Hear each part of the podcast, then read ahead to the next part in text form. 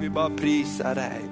Amen, amen, amen. Tack Jesus, tack Jesus. Amen, tack så mycket. Halleluja, halleluja, amen. Amen, halleluja. Underbart. Halleluja, det är härligt att få be för varandra, tillsammans med varandra. Jag bara hörde det i mitt hjärta här inför den här gudstjänsten, att be, be för människor. Jag tror att när vi kommer tillsammans så här och söker Gud, då finns han nära oss. Halleluja, då finns han hos oss. Halleluja, det är så underbart. Jesus säger, ingen som kommer till mig så kastar jag ut alla som kommer. Och när man kommer till förbön så här så kommer man inte bara för att få handpåläggning specifikt av pastorn eller någon, utan man kommer, Gud jag vill möta dig. Gud jag vill ha någonting från dig. Gud jag vill att du ska röra vid mitt liv. Och det är så underbart med, med förbön också, någonting händer när vi ber för varandra. Prisat vare Herrens namn. Amen. Underbart att se dig, underbart att se dig Oskar. Halleluja, ge Jesus en applåd för Oskar. Halleluja, amen, halleluja. Amen, vi har bett för dig och kul att du är här idag. Amen, prisat vare Herren. Idag är det som sagt var Johannes döparens dag och jag ska bara kort eh, nämna lite grann om Johannes döparen och egentligen den han pekar på, Jesus Kristus. Johannes han eh, fick ju en eh, väldigt speciell start i sitt liv. Han föddes utifrån det omöjliga, hans pappa och mamma var gamla, de hade inte fått något barn och vi vet berättelsen lite som eh, Peter läste om Sakarias, han var en av prästerna, han gick in i, i, i, i, i templet och gjorde tjänstgöring och Gud talade till honom, du ska få en son. Och han hade det svårt att tro på det så han, han tappade talförmågan i nio månader tills hans son blev född.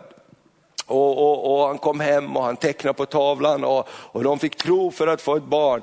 Och, och så blev hon gravid och så, och så uh, föddes Johannes så småningom och alla sa, vad ska han heta, vad ska han heta? Och, och då så, så, så, så skrev han på en tavla, Johannes ska han heta. Amen, Johannes ska han heta. Och då löstes hans band eh, tungas band och han kunde börja prata igen. Vilken märklig start på ett liv. Och, och, gamla föräldrar. Va? Jag hade en gammal pappa när jag växte upp, han var alltid gråhårig. Någon frågade ibland, var det din farfar som hämtade dig till skolan? Nej, det var min pappa. Han gifte sig när han var 40 och så vidare. Och, och så då. Men, men, speciellt för de var, de, var, de, var, de var äldre och så hade han den här kallelsen på sitt liv att vara en vägröjare. Hans mamma eh, eh, Elisabets kusin hette Maria och hon blev ju mamma till Jesus barnet som växte upp och blev vår frälsare. Och så de där hade ju kontakt på något sätt och, och jag tror det var väldigt mycket bön och prat och tänkte vad ska det bli av allt det här? Elisabet hon fick en son när hon var gammal och Maria hon fick en son när hon var jätteung och, och allt det här som hände. Vad, ska det, vad, vad, är, vad håller på att hända? På ytan såg allt normalt ut. På ytan var allting lugnt, men himlen hade full aktivitet. Och så kan det vara i våra liv, i ditt liv, i mitt liv. Det kan se lugnt ut på ytan, det kan se lugnt ut i Örnsköldsvik, det kan se lugnt ut i Sverige. Men jag tror himlen har full aktivitet för det som himlen har planerat, det som det finns i Guds hjärta. Amen, och det är det också som det profetiska ordet när det kommer så talar det det som finns på Guds hjärta och det är alltid fullt av liv, det är alltid fullt av Gud vill utgjuta sin nåd, Gud vill utgjuta väckelse, Gud vill vidröra människor. För det finns så nära inpå. Och därför tror jag just att vandra med Jesus, att följa Jesus kan ibland vara det, ibland syns det så inte så mycket, men himlen har full aktivitet. Amen. Och sen så kom ju Johannes då, han visste vad hans kallelse var, han visste att han inte var Messias utan han visste att han var en vägröjare som skulle gå framför Jesus och bana vägen. Och det är också det som är vår kallelse i den här tiden. Vi tror att Jesus kommer snart tillbaks. Och Gud har kallat oss att vara en Johannesrörelse, en väckelserörelse, en omvändelserörelse. För det var det Johannes gjorde. Han sa omvänd er och tro evangeliet. Omvänd er och låt er döpas. Rena er från era synder och gör inte längre de gärningar som tillhörde ert gamla liv. Han var väldigt tuff också, han sa, det hjälper inte bara att ni kommer hit till Jordan och döper er, ni måste också börja göra de gärningar som tillhör ett annat liv. Och Johannes han var en vägröjare som banar väg för Jesus och han sa, den som kommer efter mig är större. Amen. Och det är alltid så, Jesus är alltid större. Den som kommer efter mig är större, sa han. Jag är en vägröjare och jag är inte ens värd att knyta skoremmarna på hans sandaler. Men han ska komma och han ska döpa er i helig ande och eld. Halleluja, och det är om Jesus han talar. Så vet vi att Johannes, Jesus kom till Johannes och sa, Johannes, jag vill också bli döpt. Och, och eh, det står så här i Matteus eh, tredje kapitlet, så står det så här. Eh, om Johannes döparen. Ni kan läsa Matteus eh, 3 och sen ska jag ta fyra korta punkter om Jesus. Men i Matteus det tredje kapitlet så står det berättelsen om Johannes döparen när han börjar sin tjänst.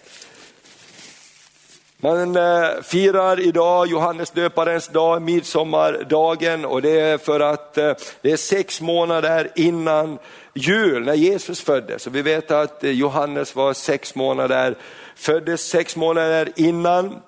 Det står där hur, hur, hur, hur mångt månaden hon var när Maria kom till henne. Så man vet ungefär att den här tiden föddes eh, Johannes. Och, och därför är det härligt att lyfta upp honom idag också. Och då står det så här i kapitel 3 och vers 1.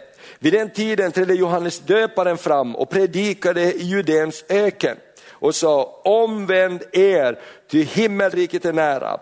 Om honom heter det hos profeten Jesaja, en röst ropar i öknen. I öknen, där det är tomt, där det är inte så mycket liv, där ropar det en röst. Bana en väg för Herren, gör stigarna raka för honom. Johannes bar kläder av kamelår och hade ett läderbälte om livet och hans mat var gräshoppor och vild honung. En speciell man. Eh, Jerusalem och hela Judeen och hela landet kring Jordan kom ut till honom. Ibland så tycker, tror vi att vi måste vara så perfekta och vi måste ha allting i så bra ordning för att folk ska komma. Här var en högst annorlunda kille. Va? Han åt gräshoppor och, och vildhonung, han hade kläder av kamelhår och ett läderbälte om livet. Han var inte den alltför hippaste killen om man säger, men han hade någonting. Folk kom till honom ut i öknen. Och det är det som är så underbart med Jesus. När Jesus verkar så spelar det inte så stor roll var och hur och när. Därför det finns en längtan, det finns en dragningskraft hos människor till det som eh, hör Guds rike till. Och de kom ut till honom och de bekände sina synder och döptes av honom i floden Jordan. Men när han såg att många fariseer och saduceer kom för att bli döpta av honom, sa han till dem, ni huggormsyngel, vem har fått er att tro att ni kan fly undan den kommande vredesdomen? bär då sådan frukt som tillhör omvändelsen. Och tro inte att ni kan säga till er själva, vi har Abraham till far. Jag säger er att Gud av dessa stenar kan uppväcka barn åt Abraham. Redan när yxan satt i roten på trädet, varje träd som inte bär god frukt blir nedhugget och kastas i elden. Jag döper er i vatten till omvändelse, men den som kommer efter mig är starkare än jag. Jag är inte ens värd att ta av honom hans sandaler och han ska döpa er i den helige ande och eld. Han har sin kastskovel i handen och han ska rensa sin tröskplast och samla in vete i logen, men agnarna ska han bränna upp i en eld som aldrig släcks. Väldigt tuff predikan, men väldigt rannsakande också. Att det går inte bara till hänga med en omvändelserörelse. Nu är det lite modernt att omvända sig här till Johannes. Johannes såg igenom det och sa, tro inte ni bara kan komma hit för att alla andra kommer hit. Ni måste rena era hjärtan och göra de gärningar som hör till omvändelsen. Han var väldigt rak, va? därför att Gud är helig, eller hur? Och han är inte bara vår vän, och han är inte bara vår kompis, Gud han är långt mycket mer än så, han är helig fader. Amen, och för honom står det om när Jesaja såg honom, då föll han ner som död på sitt ansikte. Därför han såg Guds helighet och den heligheten och kärleken vill han ge till oss och genom den helige ande. Den, vill inte, den ska inte hindra oss att komma till honom, men vi behöver ha Guds fruktan i våra liv. När vi kommer till Gud, och så fortsätter det så här, att Jesus kommer då. Se i vers 13, sedan kom Jesus till Galileen, eh, från Galileen till Johannes vid, vid Jordan för att döpas av honom. Men Johannes försökte hindra honom och sa det, det är jag som behöver bli döpt av dig och du kommer till mig. Jesus svarade honom, låt det ske nu, till så bör vi uppfylla all rättfärdighet. Då lät han det ske. När Jesus hade blivit döpt steg han genast upp ur vattnet och se himlen öppnades och han såg Guds ande sänka sig ner som en duva och komma över honom. Och en röst från himlen sa, detta är min älskade son, i honom har jag min glädje. Och allt det här fick Johannes vara med om och se. Och han pekar på Jesus. Sen vet vi att Johannes liv fick en väldigt ab abrupt slut, han blev halshuggen. Och det, det är väldigt speciellt också. Han, han var inte sen att påtala till och med kungens fel och brister, att han levde i omoral, han hade tagit sin brors hustru, han gjorde det som inte var rätt. Och kungen fruktade för honom. Men den här Herodias, det var ju hon som bad när dottern dansade inför alla furstar. Och, och då sa Herodes, be om vad du vill, upp till halva kungariket ska jag ge dig. Och så går hon till sin mamma och hon får det djävulska svaret, begär Johannes döparens huvud på ett fat. Därför han är ett problem för mig. Om man inte omvänder sig så är Jesus ett problem. Om man inte omvänder sig så, så är det någonting som kommer emot en och då kan man ju försöka hugga huvudet av det. Och det var det som hände med Johannes. Men budskapet fortsatte, eller hur? Så Johannes liv var väldigt speciellt och hans liv handlar om att peka på Jesus. Så jag vill säga fyra korta saker om Jesus den här morgonen. Därför att det är Jesus som Johannes pekar på. Och vi ska också vara en Johannesrörelse. Jag är så glad över alla, vi hade dop i, i, i torsdags när det var barnlägrets avslutning och, och vi hade sex unga eh, män och kvinnor, unga som ville döpa sig till Kristus Jesus med en stark övertygelse. Och när jag frågade dem så var det ingen tvekan på rösten vem jag vill tillhöra, vem jag vill följa. Och det är så underbart att få vara en döparrörelse som får peka på Jesus. Och då är det fyra saker om Jesus, personen Jesus som vi bara eh, vill lyfta upp här. Det första är att Jesus är frälsaren. Nummer ett, Jesus han är frälsaren. Johannes 14 och 6 så säger Jesus så här, jag är vägen, jag är sanningen och jag är livet. Ingen kommer till Fadern utan genom mig. Jesus är frälsaren. I Apostlagärningarna 4 och 12 så står det att Jesus är den enda är det enda namnet i vilket vi kan ha, få frälsning. Vi kan läsa Apostlagärningarna 4 och 12 ska vi läsa till bibelord också. Apostlagärningarna 4 och 12, då står det så här. Hos ingen annan finns frälsning, inte heller finns under himlen något annat namn som givits åt människor genom vilket vi blir frälsta. Hos ingen annan finns frälsning. Hos ingen annan finns frälsning.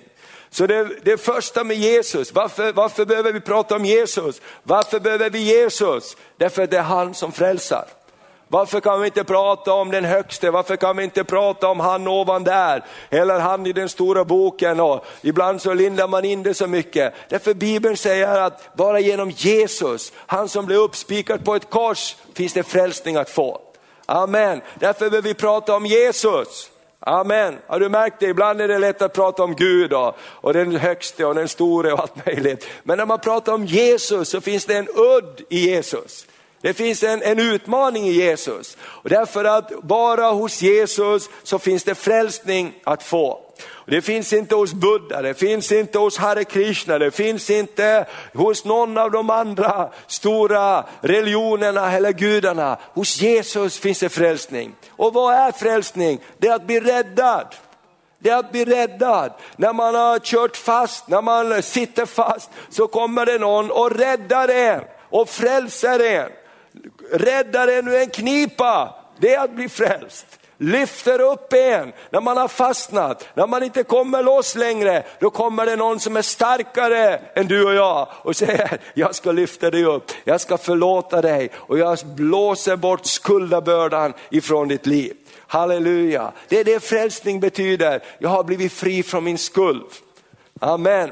Du vet att det är så med oss människor, så många gånger bär vi på skuld, så många gånger så till och med hatar vi oss själva för saker vi inte kan få ordning på i våra liv. Och den där skuldabördan kan bli till sist så tung så man kan fly in i alla möjliga saker, man kan använda droger, man kan göra en mängd olika saker så jag bara blir av med känslan av skuld.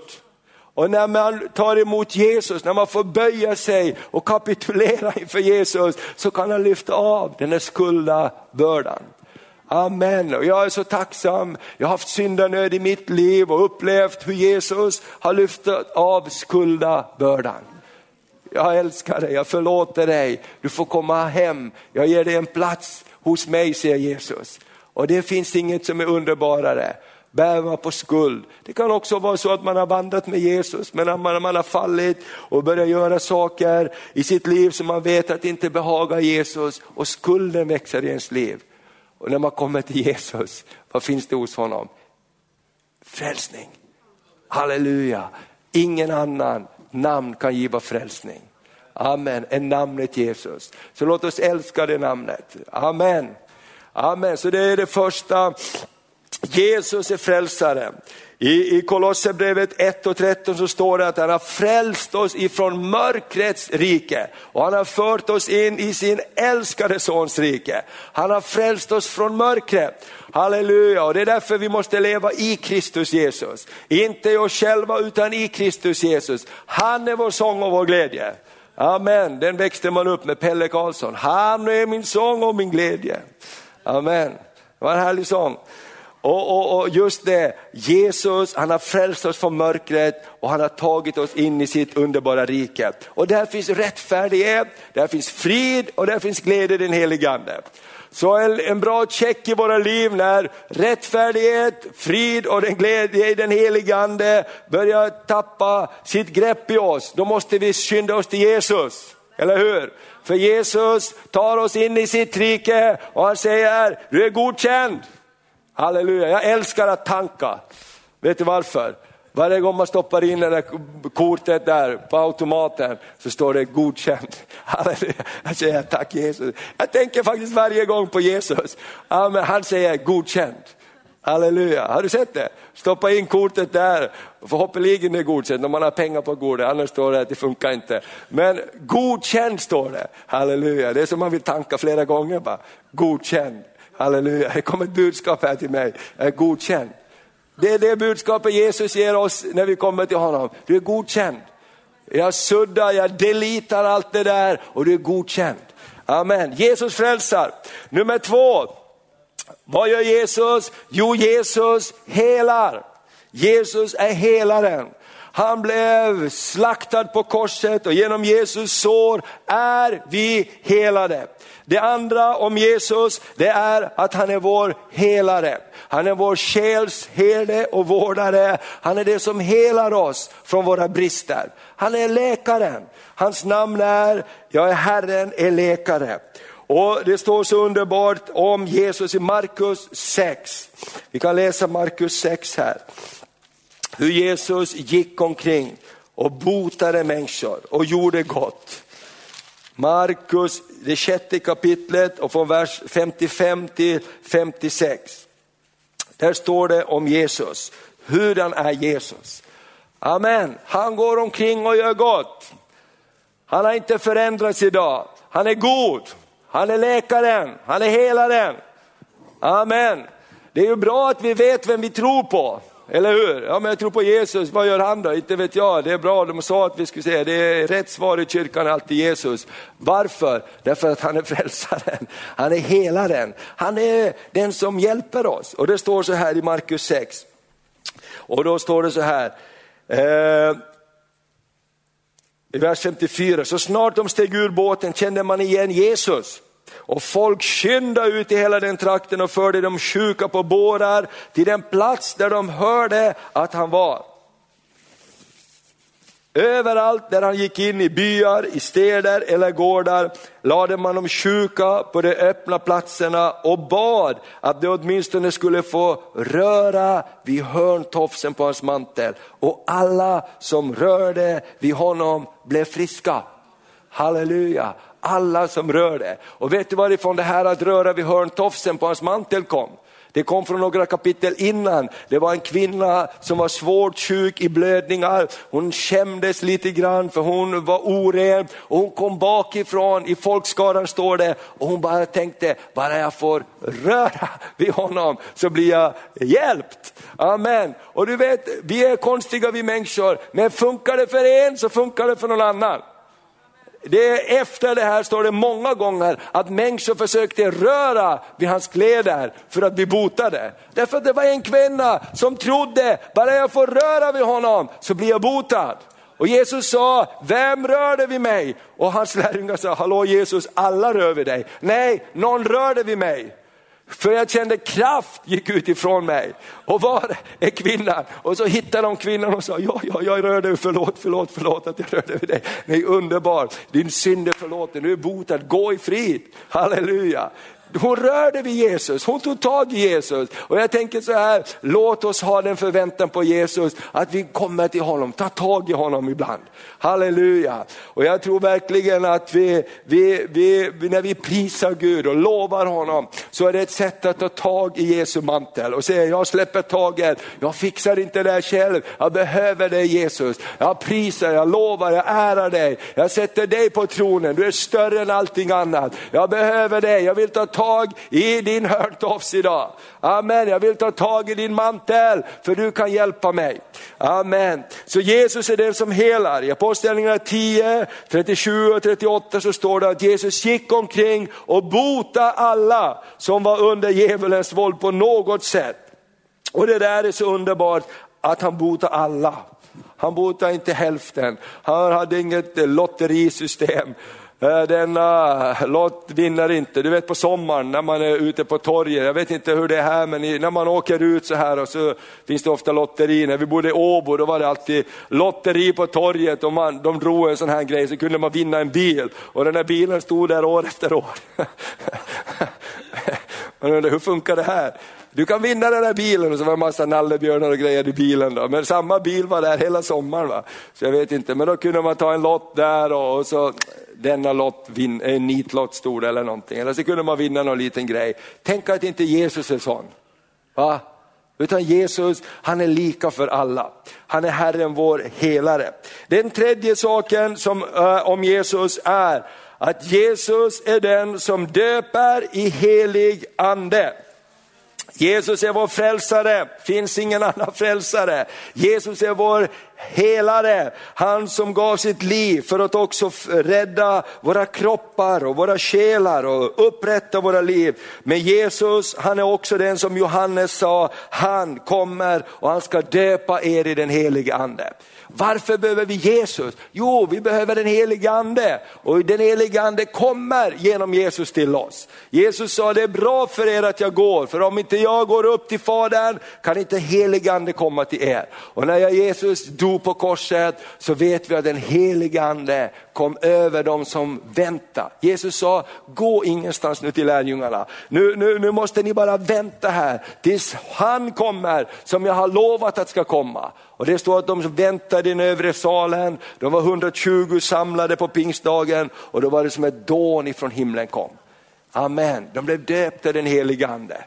Tungor som av eld visade sig över dem. De blev döpta i helig ande och eld. Och från den stunden var världen inte sig lik. Från den stunden var jordklotet inte sig likt. För de här rädda som gömde sig på ett rum, de gick ut och med en ny frimodighet. Och folk sa, vad är det som händer? Vi kommer från en massa olika länder till Jerusalem och vi hör dem alla på vårt språk tala om Guds väldiga gärningar. Är ni fulla? Vad är det? Det är bara mitt på dagen. Nej, de har blivit fyllda med den helige ande. Jag tycker det är så underbart, det finns ingen begränsning på vad Gud kan göra när den helige ande får tag på oss. Och vi vet i Sverige har vi en stark historia med när, när, när det pingstelden började brinna i Sverige och den unga Levi Petrus fick frågan, vill, vill du bli vad som helst för mig? Vill du gå vad som, vart som helst för mig? Vill du göra vad som helst för mig? Och han svarade ja på alla de här frågorna. Den helige ande föll över honom och, och, och någonting nytt startade. Och, och, och det spred sig i Sverige men det spred sig över hela jorden på många olika sätt. Och människor gick med den helige ande. Och det är så underbart att han döper i den helige ande. Ska vi läsa ett bibelord på det också? Eh, Vi kan läsa i, i, i Apostlagärningarna 19, för vi läste redan i Matteus här hur, hur, hur eh, Johannes sa det. Men vi kan läsa i Apostlagärningarna 19 lite i praktiken hur, hur det gick till när lärjungarna sen gick ut och predikade evangelium. I kapitel 19 och eh, så står det så här från vers 1 till vers 6 kan vi läsa. För här är det nu församlingen och missionen har börjat växa fram och man ser överallt så är den helige ande så viktig för människor. Och så står det så här, medan Apollos var i Korint kom Paulus ner till Efesus. Sedan han rest genom höglandet, där träffade han några lärjungar och han frågade dem, tog ni emot den helige ande när ni kom till tro? Det svarade, nej, vi har inte ens hört att den helige ande har blivit utgjuten. Då frågade han, vilket dop blir ni döpta med? Det svarade, Johannes dop. Paulus svarade, Johannes döpte med omvändelsens dop och uppmanade folket att tro på den som skulle komma efter honom, det vill säga Jesus. När de fick höra detta döptes det i Herren Jesu namn. Och när Paulus lade händerna på dem kom den helige ande över dem och de talade med tungor och profeterade. Va? Det var första frågan som eh, Paulus frågade när han kom till de här nya troende. Har ni tagit emot den helige ande? Eller hur? Det är en ganska central fråga. Han frågar inte, mår ni bra, hur är läget, känner ni att ni trivs här i kyrkan, är det bra, liksom, är det bekvämt? Han frågar, har ni tagit emot den helige ande när ni kom till tro? Och det här tror jag är väldigt viktigt att vi pratar om och att ha en iver att uppleva den helige andes dop. Och det finns för alla, det står att alla i den övre salen som väntar på den helige ande fick den helige ande. Och jag säger så här, ibland så kan vi vara bortskämda att vi har den helige ande, vi har tungomålet, men vi talar inte så mycket i tungor. Och jag vill bara uppmuntra dig den här sommaren, puttra på i ditt inre i tungor. När du är ute och cyklar, när du är ute och går, tala i tungor. Kuralabashidia, halleluja, shibaralabando, boralabakinto, roloborolobondoria, keboroloboshontokoria. Det, det händer någonting på insidan. Halleluja, när vi kör bil ibland så kan man stänga av radion och, och tala i tungor. När man är hemma och diskar ibland så kan man tala i tungor. Halleluja, man kan bli glad, man blir glad när man talar i tungor. Jag, jag, jag hörde det om, om eh, en pastor som gav det eh, som, som eh, förslag därför att det var, det, han hade ansvar för, för ett område, för flera församlingar, då hade de problem där och då ringde de, vad ska vi göra? Och han visste inte riktigt vad han skulle säga, så han, tala, tala i tungor en halvtimme, så ringer ni tillbaks. Eh, de ringde aldrig tillbaks. Därför det löste sig på något sätt, därför att man blir ihopkopplad, halleluja, man börjar sjunga. Amen. Jag kommer ihåg när jag var eh, eh, ung och jobbade på sommarjobb på en sån här bondgård. Och så hade de, eh, eh vad kul, man fick köra traktor, de hade gamla traktorer utan hytt och de gick ganska fort sådana här brrr, grejer, lät lite. Och de hade åkrar på olika ställen, de hade sådana här eh, grönsaksodlingar, de hade, jag kommer ihåg, 5000 meter gurkplantor frilandsgurkor som man skulle rensa och plocka det var plast över dem och sen när det blev tid för körd skulle man plocka de här gurkorna och lasta dem på en vagn i sådana här nätsäckar och så vidare. Och, det var, det var, och där när jag körde så, så halleluja, så talade jag i tungor och så började jag sjunga. Halleluja, jag tänkte inte på att det hörs väldigt bra här över åkrarna. Så jag, jag blev så glad, halleluja, man blir glad. Va? Så när jag kom fram där så tack för fina sånger sa du, du sjunger väldigt bra. Våra grannar, man blir, man blir glad när man sjunger. Eller hur? Man blir glad när man talar, i, och man kan uppliva sitt inre. Och man kan vara full av problem och, och, och, och oro. Och så börjar man tala i tungor och så öppnar det upp någonting mera för en. Så Jesus, varför behöver vi Jesus? Vi behöver dopet i den helige ande. Amen. Varför pratar, behöver vi prata om Jesus? Jo, därför att det är han som döper oss i den helige ande. Amen, han som frälser oss, han som helar oss, han som döper oss i helig ande. Och det fjärde och det sista jag vill säga är detta, varför måste vi tala om Jesus? Varför behöver vi prata om Jesus? Jo, det fjärde är därför att Jesus är den återkommande konungen. Jesus är den som ska komma och ta oss till himlen. Amen.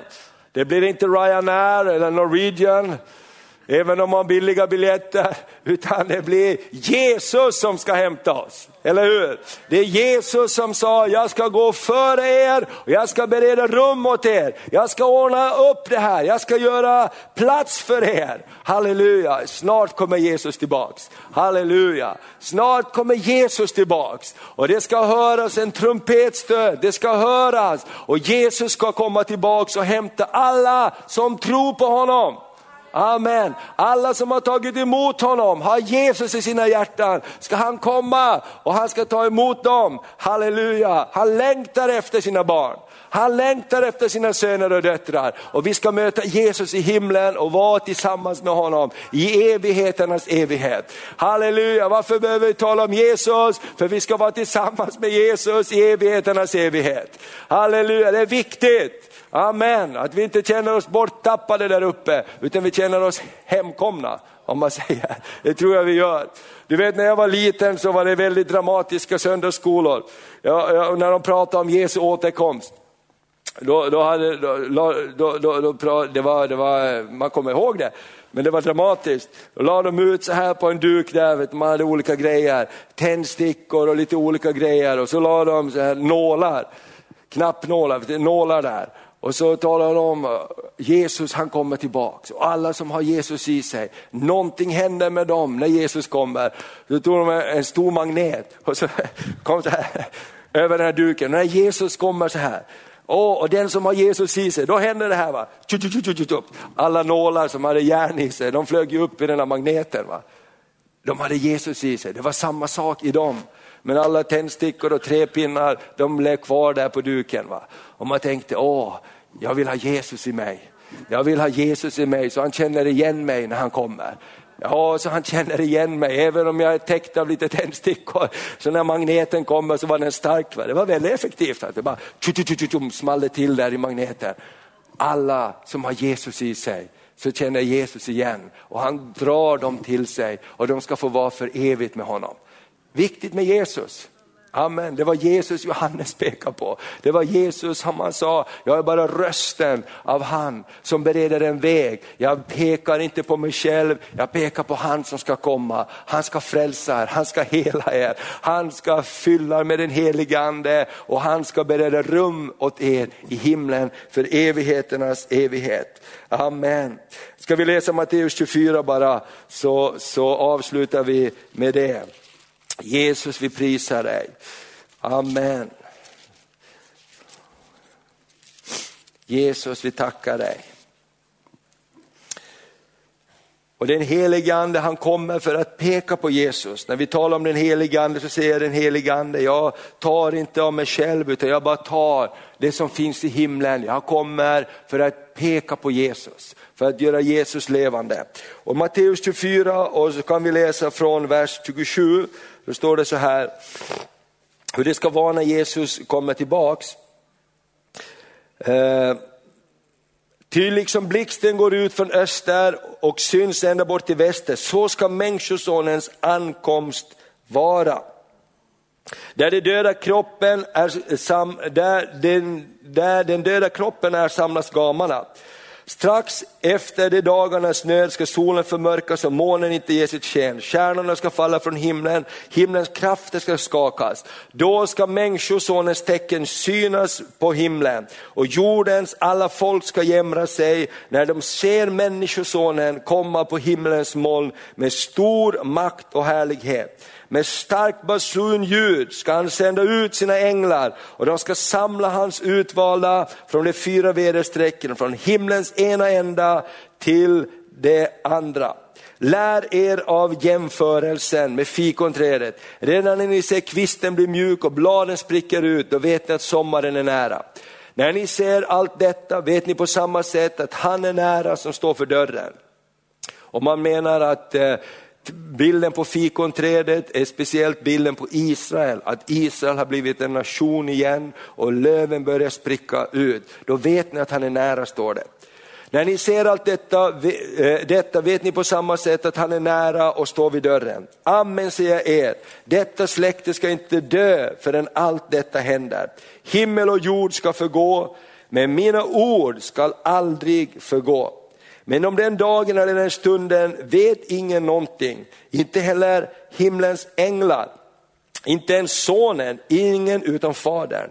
Till så som det var på Noas dagar ska det också vara vid människosonens återkomst. Som människor levde dagarna före floden, de åt och drack, gifte sig och blev bortgifta, ända till den dag då Noa gick in i arken. Och de visste ingenting före floden kom och ryckte bort dem alla. Så ska människosonens ankomst vara. Då ska två män vara ute på åkern, den ene ska tas med, den andra ska lämnas kvar. Två kvinnor ska mala på en handkvarn, den ena ska tas med, den andra lämnas kvar. Var därför vaksamma, ty ni vet inte vilken dag er Herre kommer. Amen. Och eh, det är uppmaningen som Jesus säger, det här är Jesu egna ord. Var därför vaksamma, ty ni vet inte vilken dag er Herre kommer. Och jag tror att det är viktigt att vi lever på det sättet med Jesus för våra ögon. Johannes döparens budskap var att peka på Jesus. Han är den som frälser, han är den som helar oss, han är den som döper i den helige ande, han är den som ska komma tillbaks. Och då tänker man så här att eh, eh, Jesus han älskar ju oss. Därför också så låter han den helige ande peka ibland på olika saker i våra liv så att vi alltid ska vara redo att möta honom. Jag hade några missionärer, eh, några vänner som var missionärer i Afrika och eh, då var det några som hälsade på dem och så skulle de åka med bussen in till stan och så sa de att när går bussen när vi ska åka härifrån landsbygden in till stan? Ja, det vet man aldrig sa han, men man måste vara redo hela dagen. Det är ungefär som med Jesus, man vet aldrig när han kommer, men man måste vara redo. Du måste stå och vara redo hela dagen, för kan, du vet aldrig vad som händer. Däcken kan ha gått sönder, de kan ha fått fel på motorn, de kanske är så mycket folk så de händer, gör någonting annat. Du måste vara redo hela dagen, för den här dagen så går bussen till stan och du måste vara redo hela dagen. Och, och, jag kommer ihåg det där, de här berättelserna och de sa det är, så, det, det är som med Jesus. Du vet inte när han kommer, du vet bara att han kommer. Amen. Och vi vet att han kommer snart. Och jag tror att när vi pratar om Jesus så får vi också en kärlek till Jesus och då vill vi inte missa Jesus. Vi vill inte strunta i honom och säga du jag var så upptagen med allting annat, du fick ingen plats i mitt liv. Utan vi vill säga istället Jesus, du har varit med mig varje dag och jag har bjudit in dig varje dag. Amen, i mitt hjärta. Och det är inte alltid lätt men Jesus vet att vi behöver hjälp. Amen. Jesus har själv varit på jorden, han har varit frestad i allt liksom vi. Därför kan han också hjälpa oss. Halleluja. Så den här dagen så har vi pekat på Jesus, eller hur? Så jag vill bara uppmuntra dig och mig att fortsätta älska Jesus. Amen. Inte bara tänka på honom som en religion utan tänka honom som en person som går med oss varje dag. Amen. Tack Jesus. Ska vi säga tack Jesus? Tack för att du är min vän. Tack att du är min frälsare. Tack att du är min läkare. Tack att du är den som fyller mig med den helige ande. Tack Jesus att du kommer snart tillbaks. Och du har berett en plats för mig. Och vi ska få vara tillsammans i evigheternas evighet. Tack att himlen är mitt hem. Och tack att du går med mig här på jorden. Genom den helige ande. Tack Jesus för att du har frälst mig. Att du har renat mig. Att du har tagit skulden ifrån mig. Tack att du säger att, att jag är godkänd. För att du har betalat priset. I Jesu namn. Amen. Amen. Så Gud välsigne dig och låt oss leva med Jesus. Och känner du inte Jesus och är här och har lyssnat på mig idag eller varit med på gudstjänsten så kan vi be tillsammans så du bara får känna jag vill bara gå med Jesus. Eller om du har gått bort ifrån Jesus och säger jag måste få komma tillbaks till Jesus. Gå inte härifrån med mindre att vi får lösa det. För Jesus är aldrig längre än en bön bort. Och det är viktigt att man inte bara gör det själv också utan man bekänner för någon annan och tillsammans så, så blir det också en bekräftelse därför då är det någon annan som vet också, inte bara du. När fienden kommer och säger du är inte riktigt frälst. Jo, jag var tillsammans med den, jag bekände de här sakerna tillsammans med den och den. Jag har flera som kan vittna på att Jesus är min. Amen.